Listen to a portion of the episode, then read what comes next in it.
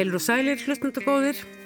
Því er oft haldið fram að lestur bókmynda ger okkar að betri manneskum sem merkir vantanlega ekki að til að mynda ég sem lesandi hafi orðið betri manneskja en einhver önnur.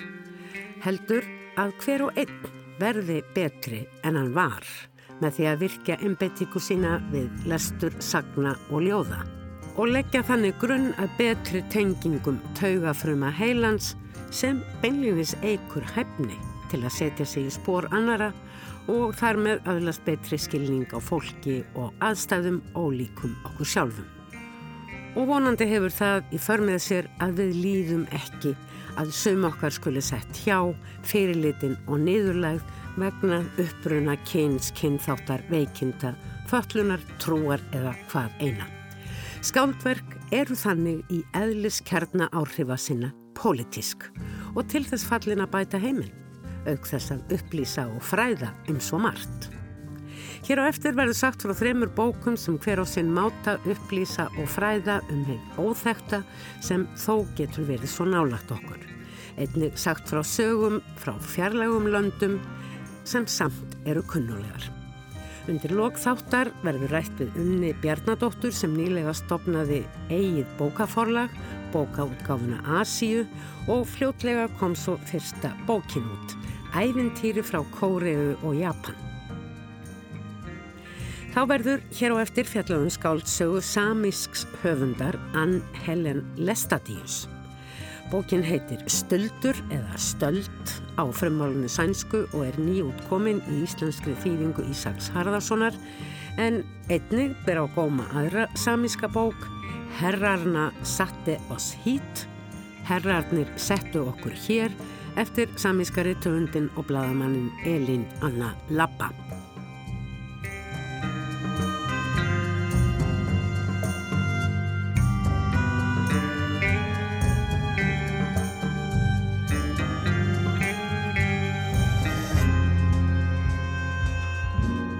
Hljóðið í vélsleða mótor sem var settur í gang fekk hana til að snar stansa.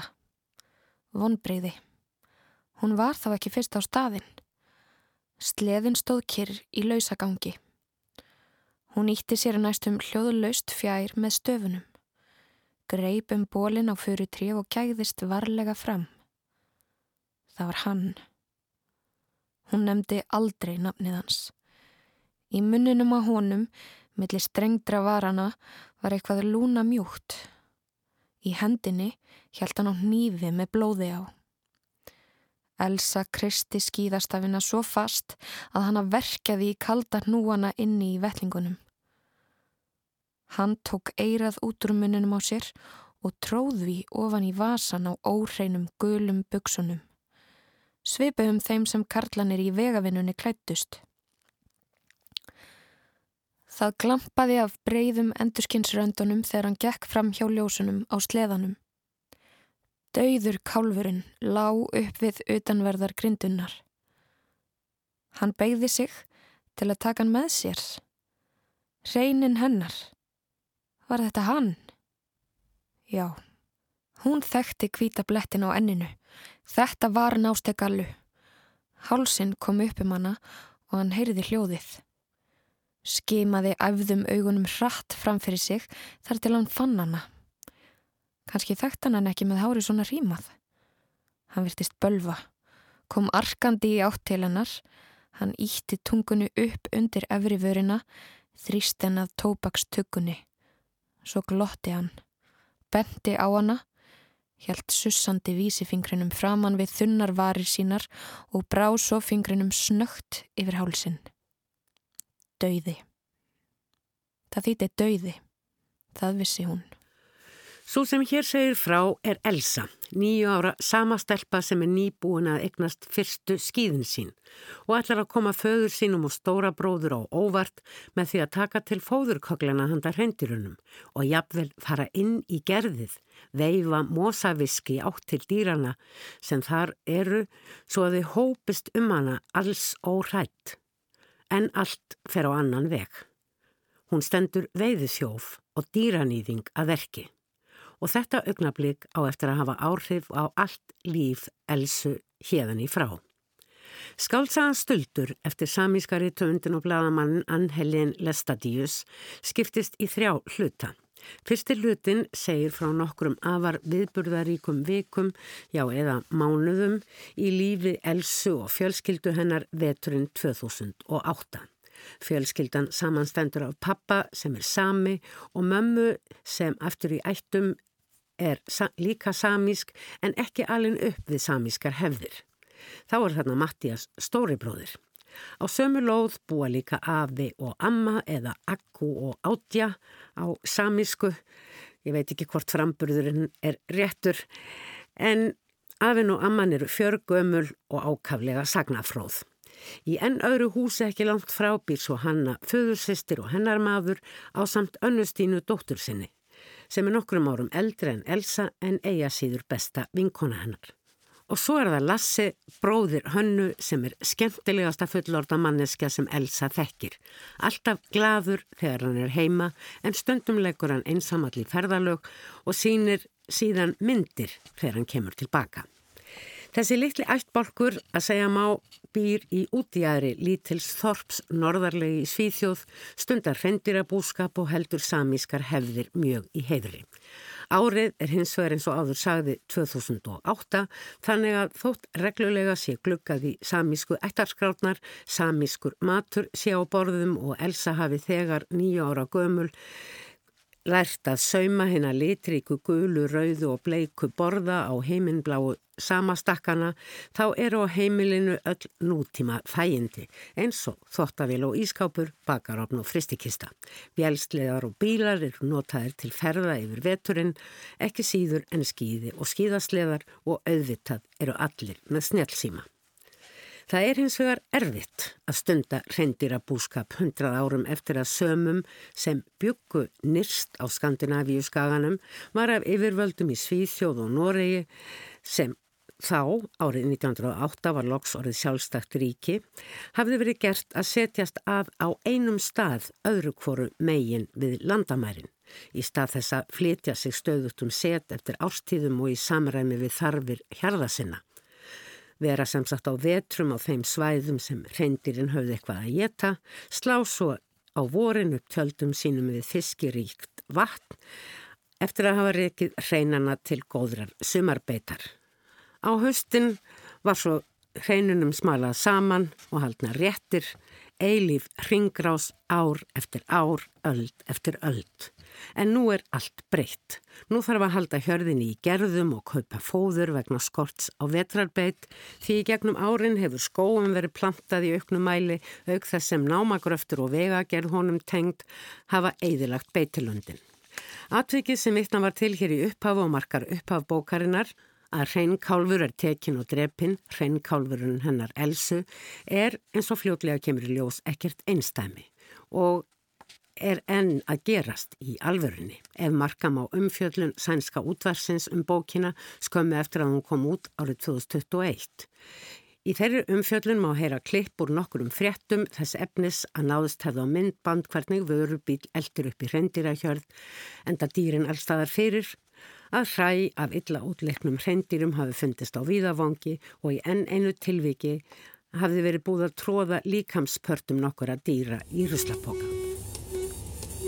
Videoklippet där en renflock jagades av en lastbil har polisanmälts. Här kommer vara Norrlands mest vältränade renar så som jag håller på att pressa dem. Fler renar har hittats dödade inom Girjas renbetesområde. Och vi börjar med att tre slaktade renkroppar hittades i sopsäckar på två ställen längst väg E10. Frettir af viðlíka atvikum eru vist sjaldan langar í sænskum fjölmiðlum nýjar þessum málum fyllt eftir. Ekki einu sinni af lögreglunni sem hrendir að bændurni reynaði að kalla á vettvang þegar þeir enn einu sinni ganga fram á yllarleikin dýr sín. Oft aðeins afhagnar leggina, hausin og dindilinn því það er kjötið sem sóstir eftir. Lögregla kemur aldrei. Mikilvægari verkefni meira aðkallandi. Aðeins einni lögreglubíl í umdæminu og það er stort. Og vegna skorts á sönnunagögnum eru málinn svo látið niður falla en það eru þetta ómerkileg mál, flokkuð sem stöldur, þegar þau eru kærð. Mun mildari viðurlögum munu vera við brotinu stöldur en ef um var að ræða brot á veiðurlögum eða jafnvel dýranýð. Það er mitt í þessum aðstæðun sem er nýjóra gamla Elsa fær hótun um hreinlega líflát ef hún kæfti frá hvern hún hafi staðið að verki að drepa kálvin hennar. Nefnilega öryrkjan Róbert Ísaksson sem fljótlega kemur í ljós að bætir við örorkubætur sínar með því að selja hreindirakjöld á svörtu til veitingastaða. Hreindirakálfurinn hennar Elsa endar þó ekki á veisluborðið því drápsmaðurinn skilur skrokkin eftir í flítunum við að koma sér á brott. Hann missir meira að segja afskorið eirað með marki dýrsins upp úr vasa sínum. Elsa heyrðir það í sorgsinni minnu hvern hún hafi sjálf skorið markið. Það var í fyrsta sinn enda hennar fyrsti kálfur sem nú likur lífvana í blóðpolli við fætur hennar. Atvikið er auðvitað kært eins og svo fjölmörg önnur hafa verið og eiga eftir að vera en það næst aldrei nokkur árangur. Kanski hefði í þetta skipti einhver árangur náðst ef Elsa hefði við yfirheysluna sagt frá því hvern hún hafi séð, en það þorur hún ekki. Ísaksson hafði ótvírætt gefið í skín að þá er það einhver drepin. Það er erfitt að ljúa og erfitt að bera svo stort lendarmál þegar maður er bara nýja ára og þeirri tókstrætu í barsálinni lýsir höfundurinn Ann Helen Lestadius af mikillin erfærni á ljóðrænan hátt sem skilar sér afar vel í íslensku þýðingunni sem Ísak Harðarsson gerði. Ann Helen Lestadius náði aðtegli í sænskum bókmyndaheimi strax með fyrstu bóksinni og lingabókinni SMS frá Soppero en Soppero er heyrðingja þorp í norðri í Svíþjóð. Það sama ár og bókin kom út árið 2007 fekk hún svo velun sænska dagblasins fyrir bókina og fleiri barna og lingabækur fylgdu í kjálferið. Árið 2016 fekk hún virtustu bókmyndavelun Svíþjóðar Ágúst Prísett í flokki barna og ungmennabóka fyrir skáldsöguna 10 över 1 tíu yfir eitt, kannski tíu mínútur, ég þekki ekki bókina. En í þeirri bók segir frá nokkrum ungmennum sem alast upp í heimabæ Ann Helen, Kíruna, en á undanförnum tveimur áratugum hefur þar verið unnið af því að flytja stærsta hluta bæjarins til austurs. Vegna þess að undirstöður húsana eru orðnar ótryggar. Námu vinsla Járd sem allt frá því snemma á 20. höld hefur verið stundu þarna í norðri hefur grafið undan bænum í þess orðs fylstu merkingu. Ungmennin í bókinni, aðal personurnar, eru mjög leið yfir þessum óskaplegu umskiptum síns kunnulega umhverfis og sem kannski má líta á sem myndhverfingu þeirra umskipta sem samar hafa mótt gangi í gegnum í meirinn heila öld. Sjálf er Ann-Helin Lestadius ekki alin upp við samískar hefður og tungumál en heyrði í bernsku og ólingsárum sögurnar sagðar á sænsku. Í þættinum bakom búken að baki bókarinnar í sænska útvarpinu sem útvarpa var í tengslum við útkomu skáldsögunar stöldur segirst Ann-Helen í viðtali við Helen Alm snemma hafa fengið áhuga á bókum og þá um leið að skrifa sjálf. Lengi framanaf hefði henni eins og er alls ekki þótt eftirtróknarvert að skrifa um sitt eigið fólk og umhverfi. Heldur hafa hún viljað skrifa um aðra staði og annað fólk. Það var ekki fyrir ég var orðin fullorðin, segir hún, að ég áttaði mig á því að einmitt hjá mínu fólki lágu sögurnar sem þurfti að segja. Sögur sem aldrei höfðu komist inn í fagurbókmyndirnar.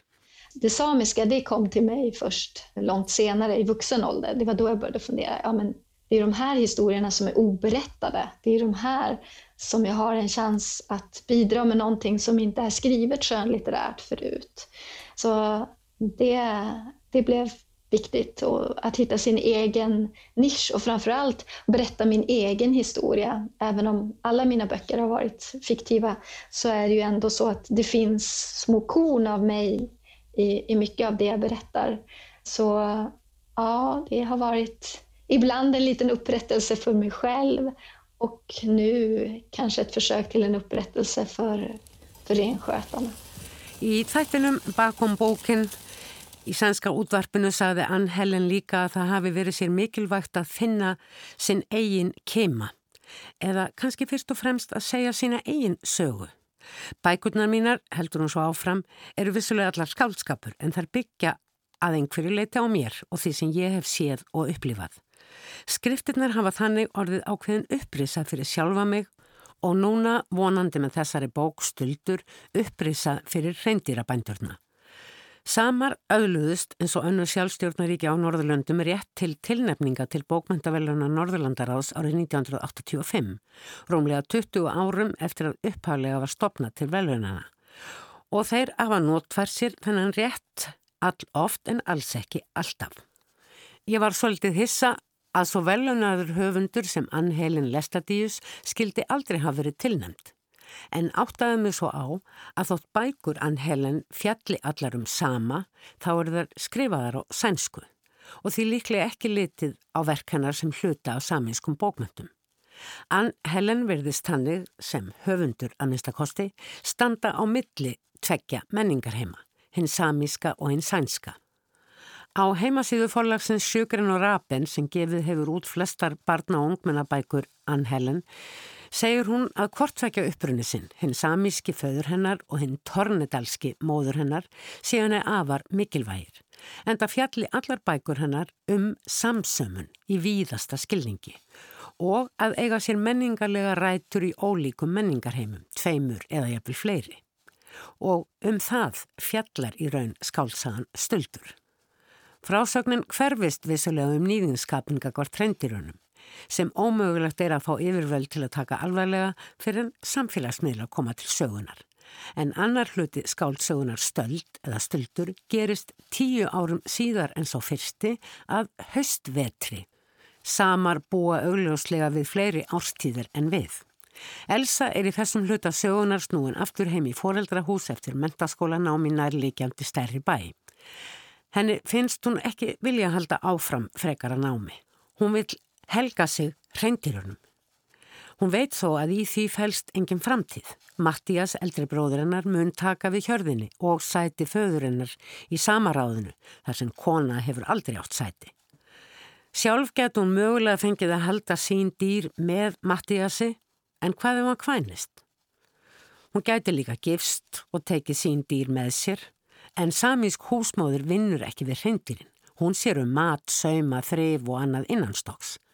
Líf í hrendirabúskap tekur mið af fortíðinni, ekki samtímanum, þó vissulega með í brúka ímsa nútíma tækni til hægðarauka og þæginda.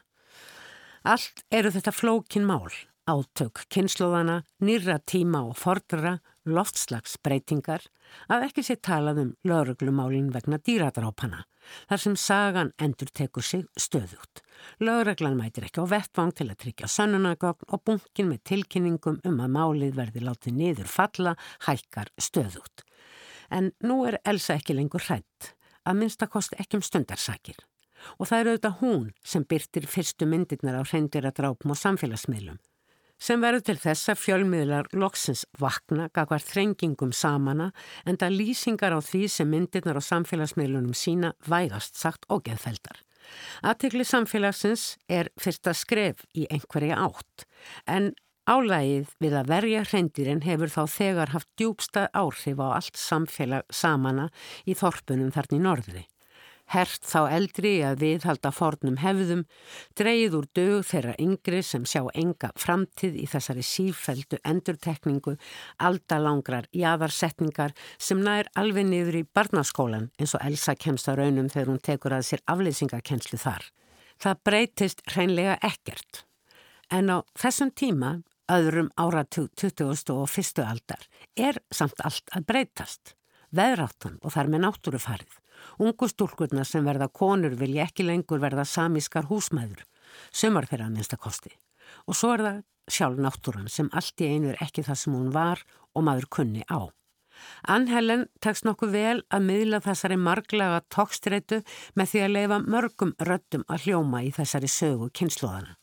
Meira segja aðal nýðingurinn sá sem hótaði elsu í upphafi bókarina fær sína kabla sína sögu af ástlösu uppeldi drikkfælds föður sem móðurinn hafði yfirgefið. Maður sem vill hefna sín. Í fyrsta lagi á sömunum sem tóku landið frá forfærum hans. En svo hann kýsa líta á málið, þótt vissilega hefði þessir búferðla flutningar á sínum tíma verið fyrirskipaður af yfirvöldum. Með söluna á hrendirakjötundir borðið getur hann svo líka leikið á yfirvöld sem skamta honum rýrar örorkubætur, vilja jafnvel taka þær alveg af honum og skikkan til að vinna. Fyrst og fremst fær Róbert Ísaksson þó útrás fyrir heift sína og hatur út í allt og alla með því að skera hreindir á háls. Aðeins stöku sinnum missar hann alveg stjórn og grýpur til bissunar. Og svo drekkur hann sig þetta fullan og gaular þá gerðnan bara döður lappi er góður lappi. Í sama samfélaginu virðist hins vegar lítið um drikkjuskap. Reyði og uppgjöf fremur beint inn á við mikið sagðar sögur frá því í gamla daga eða frá því þessið að hinn var ungur og hvað einhver sagði í búðinni. En það er líka þagað og snúið upp á sig meðal samana. Hægt að talast við og síðan aftur tekið upp samband á þess að nokkur við til ástæðina. Og þótt Elsa fylgist vel með og neyti strax sem barn færist á að heyra það sem hinn um fullorðinu fer á milli, þá veit hún ekki allt. Af hverju framti frendi hennar Lasse til að mynda sjálfsmorð? Hann sem alltaf hló og var gladur, ferðaðist einsamall til sólarstranda heimsins og hafði engan áhuga á konum eða hreindirum, en var þó liðtækur við kortvekja svo bara undir. Það síðasta sem hann gerði var að fá sér vinnu í námunni og hvernig skildi honum hafi liðið þar. Sami innan um alla sænsku karlana sem kannski vildu frekar starfa annar staðar en ofan í jörðinni og alls ekki með minniháttar mönnum eins og allir vita að samatnir eru. Elsa er svo sem lang oftast er í miðju frásagnar bókarinnar og í síðasta kapla bókarinnar er loksins komið vorsumar. Árið er 2019 og óttinn hefur aftur náð tökum á henni. Hún er komin allt of nærri Róbert Ísaksen. Hann eldir hana uppi með bissu eftir að henni loks hefur tekist að fá lögreglu heim til hans. En þángað hafði hún rakið blóðstlóð frá reyndirskvígu sem hafði verið losuð við kálfsinn með því að rista upp á henni kviðin og kvígan er með skótsár. Þetta ódæði verður ekki hægt að flokka sem stöld. Hér hlýtur að verum brot á veiðlögjöfun að ræða. Lesandanum koma líka hugtök eins og hattusklæpur í hug. Engum unnar að lögreglan geri húsleit hjá Ísaksson en því miður saksóknarinn er farin heim engin heimild fæst. En einn tilkynning um niðurfellingu máls mun bætast í bunkan og samískur hendirahyrðingjarnir munu halda áfram að ganga fram á dýrin sín döð og nýðingslega leikin. Hreinarnir eru jú í þeirra augum ekki bara búfinnaður, þeir eru grundvöllur og byrtingar minn tilverð þeirra sem eins og ljóst má vera er ekki aðeins ógnað af veiðið þjóum, slíkt var í líklega hægt að leysa með pólitískum vilja, en þá á eftir að ganga gegn ævarandi niðurlægingunni sem stjórnmálamenn lögðu grunninn að fyrir tæpum 120 árum og enginn hefur viljað leggja til allu við. Skáltsagan stöldur eftir Ann-Helen Lestadius vakti miklar umræður í sænskum fjölmiðlum um framkomi við samísku minnilhutahópananist í Skandinavíu í ljósi sögunar. Kallaði eftir því að samar skiluðu skömminni og sænsk stjórnvöld auksluðu ábyrg. Ekki veit ég hvernig þau mál eru stött í dag, hvort til að mynda er búið að koma upp meðferðar úræðum fyrir unga sama, engum karlmenn, sem kekna undan kröfum úr öllum áttum. Stöldur er hins vegar ekki heimildarrið eða politist ákall, heldur skáltsaga sem megnar að draga upp mynd af manneskum og samskiptum þeirra á bjargbrón. Fall þaðan er ekki endilega hátt, kannski bara að menta sig og fylgi eftir draumum sem hafa ekkert með samíska rætur að gera eða mögulega að draga þessar samísku rætur inn í slíka yðju líkt og Ann Helen Lestadius hefur gert. En hún býr í Stokkólmi, skrifar bækur sem gerast í samísku samfélagi af sænsku en fer heim þegar leiðin liggur norður á eskuslóðirnar. En svo eru líka þeir sem eiga sér drauma beintengda samískri menningu þrýfast á því að fylgja hreinunum, anda í takt við á, fagna hinnum fjölmörgu árstíðum með jóiki og geta jafnvel galdra eins og Elsa.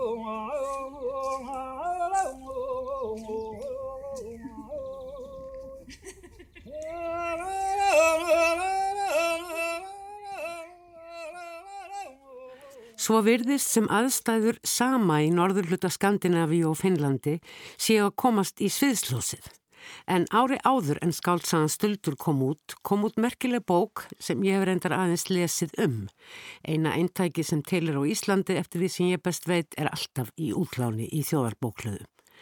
En jóikið sem heyrðist hér áðan, svo fullt af víðáttu og aðtorku, trega en samt einhvern veginn líka gleði hefur að líkindum oft ómað frá forfæðrum fólksins sem samíski bladamadurinn og reytöfundurinn Elin Anna Lappa sór upp á yfirborðið með rannsóknum sínum og því sem sagt var frá hér áðan og í samískri vitund er kallað þvingunarflutningarnir en heitir í sænskum sögubókum einfallega búferlaflutningar sama. Í mörg ár tók Elin Anna viðtöl við sama sem ennþá mundu þetta róf í tilveru sína. Í mist frá því þeir sjálfur voru börn eða af sögum afa og ömmu eða foreldra sína. Sem í samræmi við samninga Norðmanna og Svíja í byrjun 20. aldar höfðu mótt taka allt sitt og setja sér niður þar sem hinnir háuherrar höfðu ætlað þeim pláss. En það heitir bók Elinar Önnulappa Herrarna satti oss hít. Herrarni sett okkur niður hér. Svíjarnir sem þarna voru fyrir voru svo heldur ekki spurðir og því síður voru þeir tilbúinur til alúðlegar móttöku. Í raun þert á móti, lita á samana sem villimanneskjur sem reyndar á þessum tíma á fyrstu áratugum 20. aldar var í góðu samræmi við niðurstöðu nýjustu rannsókna í svo kalluðum kynþáttafræðum sem byrtust í blöðum og öðrum fjölmiðlum en þykja nú síðasta sort. Elín Anna Rappa byrtir eins og áður sagði í bóksinni ótal viðtöl en líka ljósmyndir, bónbref og afrit af lögum og reglum sem á ljóð og sögur.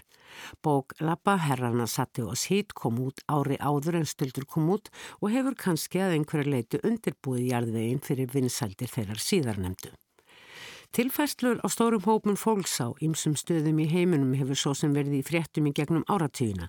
Hvort heldur þjóðverðar sem hafðu sestað í núverandi Pólandi, Slovaki og Tjekklandi fyrir marglöngu og máttu svo arka tilbaka eftir lok heimstyrjaldarinnar síðari eða rússar sem gert var að setja stað í Estrasaltslöndum og víðar þar austur frá eftir heimstyrjaldina síðari með teilirandi vandraðum allt til þessa dags að ekki sé talaðum stopnun Ísraels ríkis skil skiptingu miðausturlanda og fleiri stóra landsvæða, jafnvel heilu heimsálfana eftir að nýlendu vald Evrópuríkja tók að dala. Fólk er og hefur vissulega alltaf verið á ferðinni, en því fylgir oft rask, áföll og átök sem verðist lifa í gegnum kynnslöðunar. Þráttur að skálsagan stöldur og viðtals og ljósmyndabókin heimildaritið herrana satti oss hít séu ger ólík bókmyndaverk er aðferðin sem gerir áhrifamátt þeirra svo ótvíraðan að því er virðist áþekk. Í báðum verkunum er höfða til tilfinningana, samkendarinnar. Í skáltsögunni stöldur verður lesandin með einhverjum hætti þáttakandi í daglegu lífi, elsu og fólksens í kringum hana og miða við umfjöllun verðist það samu upp á teiningnum í bók Elinar Önnu Lappa. En í greinagerð domnendar ágústvelunana sænsku árið 2020 þegar herrana Satti oss hít fjekk þau virtu verlaun í flokki fag og heimildabókmynda segir meðal annars að lýsingar Lappa til að mynda á rendiraskynni séu svo sannfærandi að lesandanum finnist sér beinlinis strókið með þessari mýkt.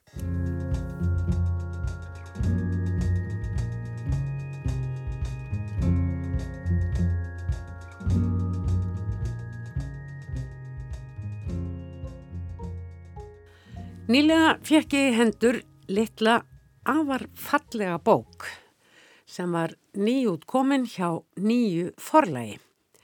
Bókin bar þann upplýsandi titil Ævintýri frá Kóri og Japan.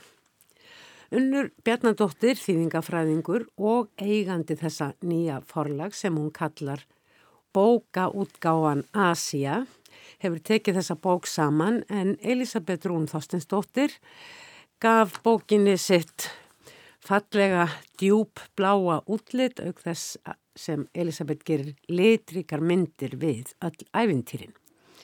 Önnur er hingakomin, komtu sæl og til hamingi með þessa fyrstu bók útgáfunar Asju. Sæl. Takk. Segðu okkur nú aðeins frá tildraugum þessarar bókar. Já, ég hef alltaf haft mjög mikið áhuga á æventýrum og góðsögum og öllu slíku. Og... Þú tilengar þessa bók ömmuðinni? Já, ég gerir það.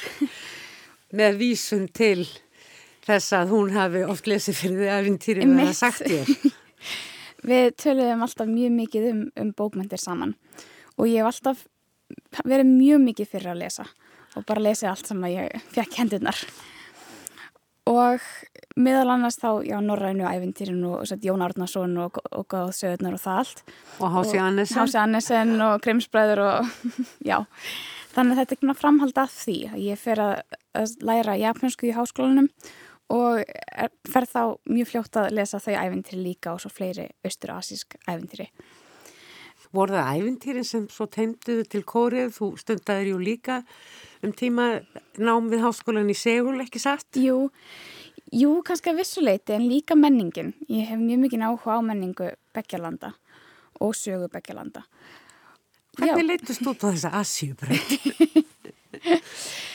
Eh, það er góð spurning. Ég hef alltaf verið mikið fyrir tungumálamenningu og svo þegar ég var komin í háskóla þá langaði mig að gera eitthvað svona öðruvísi samt en þá tungumála tengt þannig ég ákvaða að fara í japansku og það er eiginlega í gegnum hana sem ég fer að kynast öðrum Asíulöndum. Mm. það aðalega kóru og sérstaklega fyrst í gegnum popmenningu og, og þætti og svo leiðis og svo sko ég framhaldi af því þá kannski sögulegu meira og menningarlegu Bókin skiptist í fó aðskildar hluta, þann kórianska og þann japanska og undan hvorn hluta fyrir sig er svona stutt yfirlit yfir sögu þessara svæða og þar með jarðvegin sem að æfintýrin spretta úr og hefur ju mótað þau gegnum tíðina því þetta er ju mjög breytilegur arfur, Já. hefur ekki alltaf verið eins.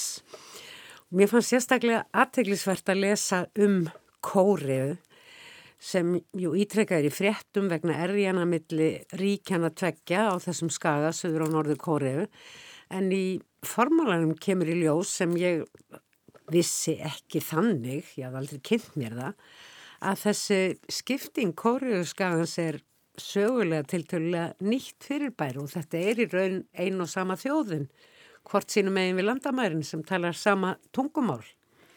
Já, Þetta er sérstaklega skipting sem kemur í rauninni bara upp úr setni heimstyrjöldinni og kannski bara hluti af þessum skiptum sem urðu með kaldastriðinu í, í upphafið þess. Já, í upphafið þess og hefur haldist síðan.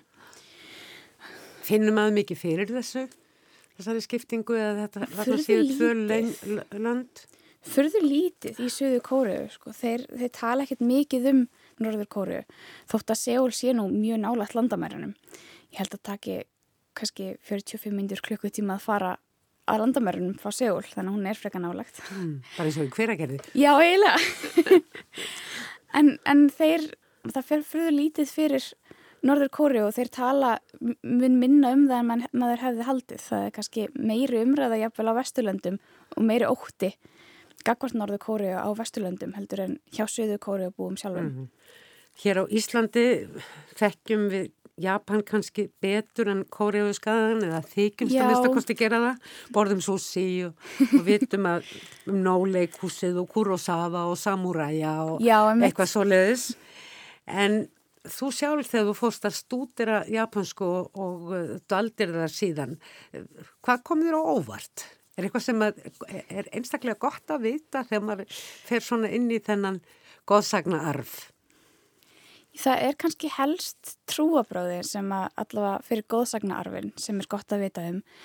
um við þekkjum buddhisma kannski ágætlega á Íslandi en, en þeir eru líka með sér japansk trúabráð sem kallast sintoismi sem eru með sko hálfgerð andatrú kannski og mm. forföðra trú og, og svo trú á guði sem er of mjög nær okkur en kristni guðin kannski guði sem að getur beðið sérstaklega um ákveðna ósk Og þetta er í rauninu svolítið líkt og í kóriðun. Það eru líka sko skona sjamanismi Já. sem tengist náttúru og líka personum sem eru nær okkur í tíma og rúmi heldur en Guð almáttur og himnum.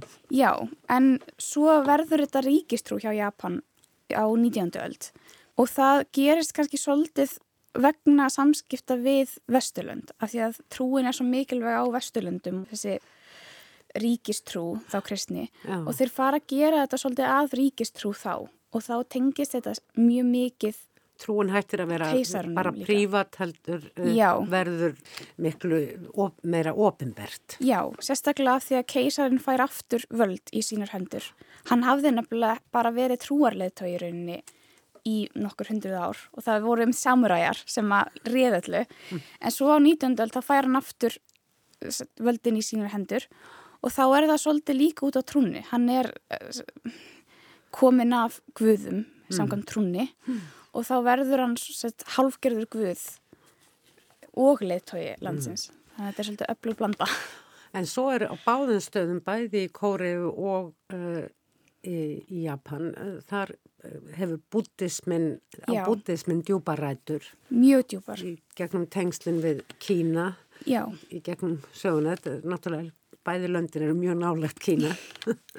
Já, búddismi, hann breytist nefnilega mjög mikið í Kína og hann er mjög lengi í Kína áður en fyrir að breyðast út þannig að búttismin í Kóri og Japan er kínverskur búttismi frekar en indverskur mm.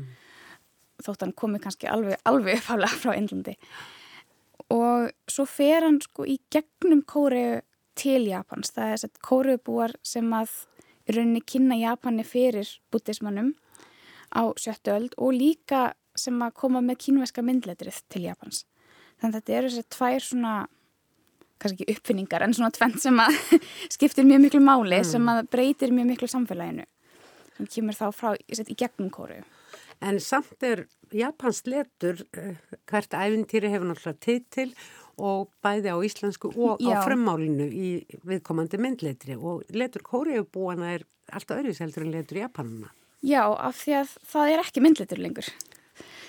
Það var konungu sem ákvað á 15. öld að myndlitrið væri of erfitt fyrir almenning.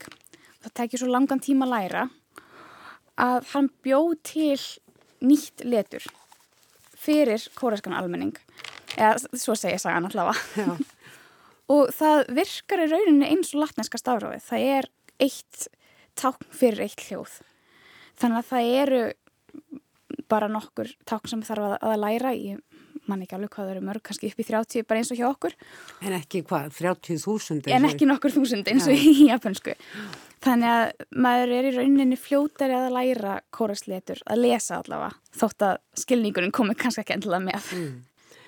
En svo er náttúrulega konfúsísmin sem að líka blandast inn í þessi trúabröð sem við höfum þegar nefnt eða átrúnað eða hvað við viljum kalla það. Já, það er einmitt mjög sérstök trúabröð af því það er engin guð í þeim. Þetta er kannski eitt af því sem ég veist mjög áhugavert við Asi og svona aðra menningar heima að það er ekkert allt sem að fylgir okkar skilgreiningum eða okkar reglum þannig séu sko. Þetta eru trúabröð en kannski ekki eins og vesturlandabúar hugsa um trúabröð og mér finnst alltaf mjög áhugavert að kynast einhverju svona bara öðrum hugsunarhætti en þetta er kannski auðveldar að skilja það sem heimsbyggi kerfi eða ákveðnar reglur samfélagsins eða svo leiðis og mm. þetta er mm. mjög mikið í sambandi við hegðun og hvernig þú hegðar þér frekar heldur en hvað þú trúir á. Til dæmis er þessi tríðu fóreldra mjög sterk í konfúsíusisma og er svo yfirfærð á þá tríðu við konungina því að konungur er það fadur þjóðarinnar mm. og þá þurfa þegnarnir að þjóna konunginum. og svo er líka mjög mikil kynjaskipting því miður í konfúsíusisma og lítið pláss fyrir konur. Karlmaðurinn er já, öllu æðri. Já, það er karlmaður og, og sko sonurinn. En samt skilst mér að þeirra sjamanismi hafi tengst mjög konum í... Já, það er mjög sérstakt í sjamanisma í kóru að sjamanar eða prestar eru mjög oft konur og það er þess að tilgátur um það að það kom upp úr því að það var ekkert pláss fyrir þær annar staðar einhvern veginn. Það er ekkert pláss fyrir þær í konfúsísismannum um, þannig að það er svona að finna sig í sjamanismannum og svo er oft kallað á sjaman og farið í sjamanisma þegar allt annað gengur ekki eins og þegar til dæmis ef það hefur ekki ringt í marga mánuði eða jafnvel ár sko það þarf að gera eitthvað og Guðið er ekki að svara þá er reynd að fara í öðnur trúabröð til að finna einhver, einhver aðra hjálp. Og þá eru koma sjamanrættir oft inn en svo er það mýtt út aftur þegar allt er orðið fínt. Eru þessi trúarbröð og þessar eh, já, reglur sem að, af þeim hafa vaksið í gegnum tíðina finnur maður fyrir þessu í hugsunrætti fólks í, í daglegu lífi í Koreu, í Japan? Já, svolítið. Það í fræðum er... til dæmis. Já, það er oft sagt að Korea sé ennþá mjög konfúsist samfélag mm. kannski svolítið í sambandi við að allir hafa sitt hlutverk og maður þarf að uppfylla sitt hlutverk af bestu getu og þú þarfst að standa þig fyrir samfélagið, ekki bara þess að meiri kannski svona samfélagsábyrð heldur en einstaklingsekja og það er líka þannig í Japan. Snúum okkur að æfintýrónum sjálfum sem auðvitað eru aðalmálið í þessari bók. Þú segir í formálunum fremst í bókinni og svo hefur hvort land fyrir sig sinn formála þar sem þú ferði við söguna. Já. En í þessum formála fremst í bókinu þá segir þú að þú hafið sem sagt valið þessi æfintýri og lesið margar gerðir þeirra bæði á mhm. frummálinu -hmm. og í þýðingum og síðan endur sagt þau á íslensku. Já. Vildur þú með því komast einhvern veginn svona nær uppruna vera þessari munlegu hefð? Já, kannski svolítið og, og líka því að það er mjög erfitt að velja eina útgáðu til þess að þýða að þetta eru æventýri sem hafa verið til í mörg hundruð ár og eiga mismundi uppruna og hafa líka jafnvel verið til í mismundi formum, þetta er ekki bara sem prósi eða, eða sko sem sögur heldur líka ljóð og leikrit og, Einmitt, það og það er mjög erfitt að segja sko þetta er upprunlega útgáfan Já. Og skiptir það heldur nokkru máli? Nei, kannski raunin ekki, þegar þú ert með öll svona aðal atriðin? Ég var uh, réttin ílega við aðalhiði Guðmundsdóttur sem var að taka fyrir norrænar, eða fornaldarsögu Norðurlanda og var að skoða hvaðan þær komu og hvernig þær hefðu umbreyst og hvernig þær hefðu að endingu verið síðan skráðar niður, hver með eiginlega sínu formi og sinni sögu eftir því við hvaða pólitísku trúarlegu, landfræðilegu aðstæður þær voru endanlega niður njörfaðar á pappir og um, Mér sínist þetta, eh, ævintýrin eru samskonar sagnir í rauninni og góðsóri jafnveg líka. Það var mjög merkilegt að lesa þarna fyrstu söguna í kóreanska kaplanum sem fjallar jú um tilur eh, sólar og, og mána, vetrarbreytarinnar að uh, þar er ímislegt mjög kunnulegt. Já, einmitt. Sagan segir jú frá móður sem að fer að afla einhvers fyrir börnin sín og, og er drefin á tíkristýri og tíkristýri kemur síðan og villir á sér heimildir líkt og úlfurinn í rauðhættu eða úlfurinn í killingunum sjö. Já, er. Einmitt. Og mér finnst það mjög merkilegt að lesa svona ævintýri og sjá hvað er margt svipað og ég hef bæði lært það í mínu námi og svo líka bara reykjast á það sjálf að það er oft virðist vera meiri samskipti en við gerum okkur grein fyrir á milli landa og þjóða. Mm. og svo lifa sögur svo lengi og þær, þær lifa oft miklu lengur heldur en trúabröðin endilega sem tengjast þeim. En því hérna erstu komið með æventýri sem að útskýra stjörnutnar og tungl og, og þess að mána og sól og það trúir kannski engin á þau lengur. En kannski urðuðu þær til í fyrstu af því að fólk var að útskýra hvernig vildi vita hvernig heimurum virkaði. Mm. Og svo eru þarna náttúrulega sögur sem það fjalla um sko dramber falli næst og Já, græðki og mikilvægi gæskunar og góðseminnar og, og svo framvegis. Já, og svo koma líka inn þessi búta og konfúsíusar skilabóð eins og með treyðuð fóröldra alltaf dæmis. Mjög mikið. Mjög mikið. Og líka hérna eins og þú segir það kemur fram í æfintýrinum ef það er eitthvað, einhver svona politísk eða einhver tókstreita á milli eins og í, í Kóru sérstaklega þá var svolítið tókstreita á milli buddhisma og konfúsíusisma og það kemur svolítið vel fram í einni sögunni þar sem að það er buddhamungur sem er í rauninni vondi kallin í sögunni þannig séð. Skil, er þetta bræðurnir? Nei. Nei, það þetta? er stúlkan sem að forna sér fyrir föðu sinn. Það er buddhamungur sem að lofar að fadurinn muni fá sjónina aftur. Já, það er alltaf merkileg saga. Hérna, um, Hún heitir Góða dótturinn Sim Tjóng. Þa, þar koma einhvern veginn svona viðskipti inni og, og svona samlingaumleitanir í með skonar, fornir og upphaflegi rappurinn er bútamöndur. Já, af því þetta er þess að saga sem er skrifið niður á 16. öld, sirka, eða verður mjög vinsæl þá og þá er konfúsíusismi ríkistrú kóru. Mér finnst líka alltaf merkilegt að segja frá því formálunum að japanskaplanum að, að svona ákveðna sögur hafi á 14. öld orðið svona skemmtisögur og beinleginns verið fjöldaframlendar. Já. Mæntalega hafa þeir átt gott með að búa til pappir úr fískrónum eða eitthvað svo leiðis og uh, þetta minnir mann svolítið, ég fór strax að hugsa um sko manga útgáfu uh, Já, á síðustöld. Þetta er svolítið þannig og ma margar af þessum sögum líka voru mjög myndskreittar og, kannski, og það er hægt að reykja svona manga teiknum þetta sögur svo mjög langt aftur í Japan þessar stórar myndir og svo smá texti með og þessar, þessar og það eru þessar hefðbundnu sögur eða æfintýri sem er verið að fjöldaframlega mm. Og þeir eru með hálgjara prentvélar líka. Það eru fundnar upp í, í Kína og Kóru eina þeim úr málmi, svo er fundin upp í Kóru en það var líka oft prentverar úr viði. Og þá er þetta þrygt á papirinn í rauninni. Mm -hmm. og þá er hægt að Þrykja oft, oft, á, oft á, á hverja sko. blasi eftir á fættur annari Var erfitt að velja þessa sögur? Ákveð, ákveða laður áherslu svona, að koma sem flestum atriðum að sem enkenna æfintýrin eða líkindum við okkar æfintýrahefð eða bara fjölbreytileikan eða hvað? Skemmtilegt? Já, svona smá öllu.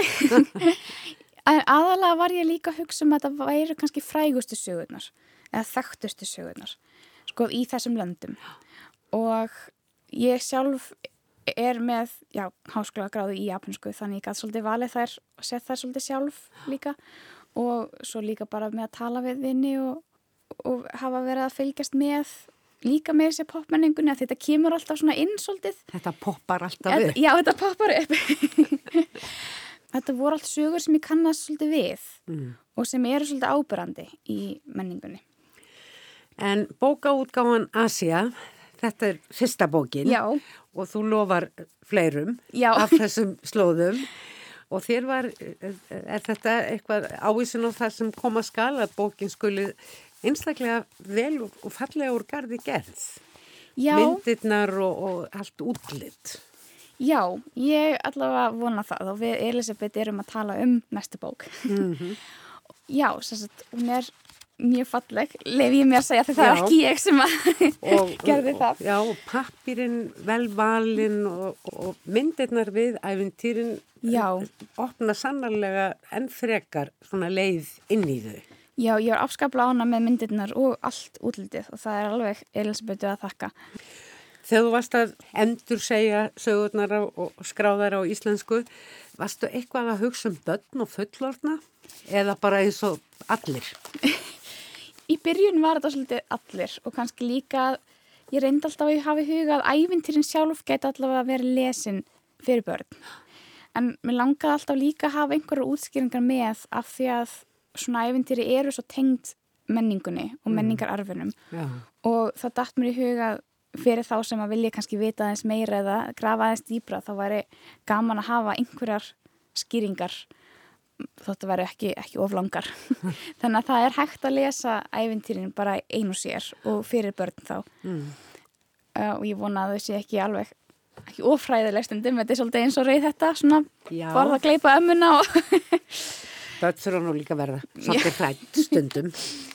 Og svo enda nú allt vel yfirleitt. Já, en ég var mjög ána með þeim líka myndirnar og hvað þær komið vel út líka í sambandi við menninguna karakterinir eru í kóresku með japanskum fötum og þessar hárgæðslur og hatta og, og svarta hárið og, já, einmitt, mm. og ég var mjög ánað að það endurspeglaðist mjög vel fannst mér í myndunum. Mjög fallegar. Vera þessi svona menningarlegu enkenni já. En eigum við ekki að heyra eitt lítið æfintýri, þannig að mörg hver bara ágæðlega stutt. Já. Ekkert, engar vífi lengur þar. Nei. Er eitthvað sem að þú hefur sérstakt álæti á Já, mér finnst rauð þetta æfintýrið mjög skemmtilegt en líka fyrstast það sem er talað um stjórnundnar. Já, sagan heitir Gjónu wa Jingyo á frummálunu sem að þýðir kúahýrðurinn og vefarastúlkan. En sagan er uppfæðilega frá Kína, hún er hérna í kóresku útgáfu en líka til í Japan og í henni eru aðal personurnar personu gerfingar tvekja stjarnar á heimnum og sagan fjallar um það hvernig þessar personur hittast einu svona ári Hvernig stjórnum það reyfast? Já, í rauninni, af því að á set, sjönda degi, sjönda tunglmánaðar þá eru þessar tvær stjórnur hlið við hlið sikkvoru megin við vetrabröðina sem heitir Hímin áinn á asískum eða austur-asískum tungumálum Hún heitir á kórusku Jónu wa Dingyo en það þýðir kúahyrðurinn og vefarastúlkan. Fyrir langa löngu bjó prinsessa í ríki himnana en hún var dóttir himnakeisarans. Hún satt öllum stundum við vefstólinn og þar sem hún var svo dögulega að vefa var hann kölluð Jingjó, vefarastúlkan. Keisarin hjælt mikið upp á þessa dóttur sína og þegar hún var orðin fullorðin ákvað hann að reyna að finna góðan ungan mann handa henni til að giftast. Þegar hann hafði leitað lengi fann hann loksins mann sem honum þótti verðugur dóttur sinnar. Hann var kúahyrðir að nafnu Gjónú. Gjónú og Stingjó fjallu strax hvort fyrir öðru og einn fallegan vordag bóðaði keisarin til veyslu og gifti þau. Gjónú og Stingjó voru alltaf saman. Þau ferðuðust um allt keisaradæmið og hugsuðu um það eitt að skemta sér. En á meðan gætti engin kuna og engin óf efni sem hægt var að nota í född. Ekki leiða löngu þar til allt var í uppnámi í ríki heimnana. Kýrnar hans Gjónú hafðu getið sig í gegnum garda annara og alla leið inn í hallargarðin og engin í ríkinu gætt búið til ný född.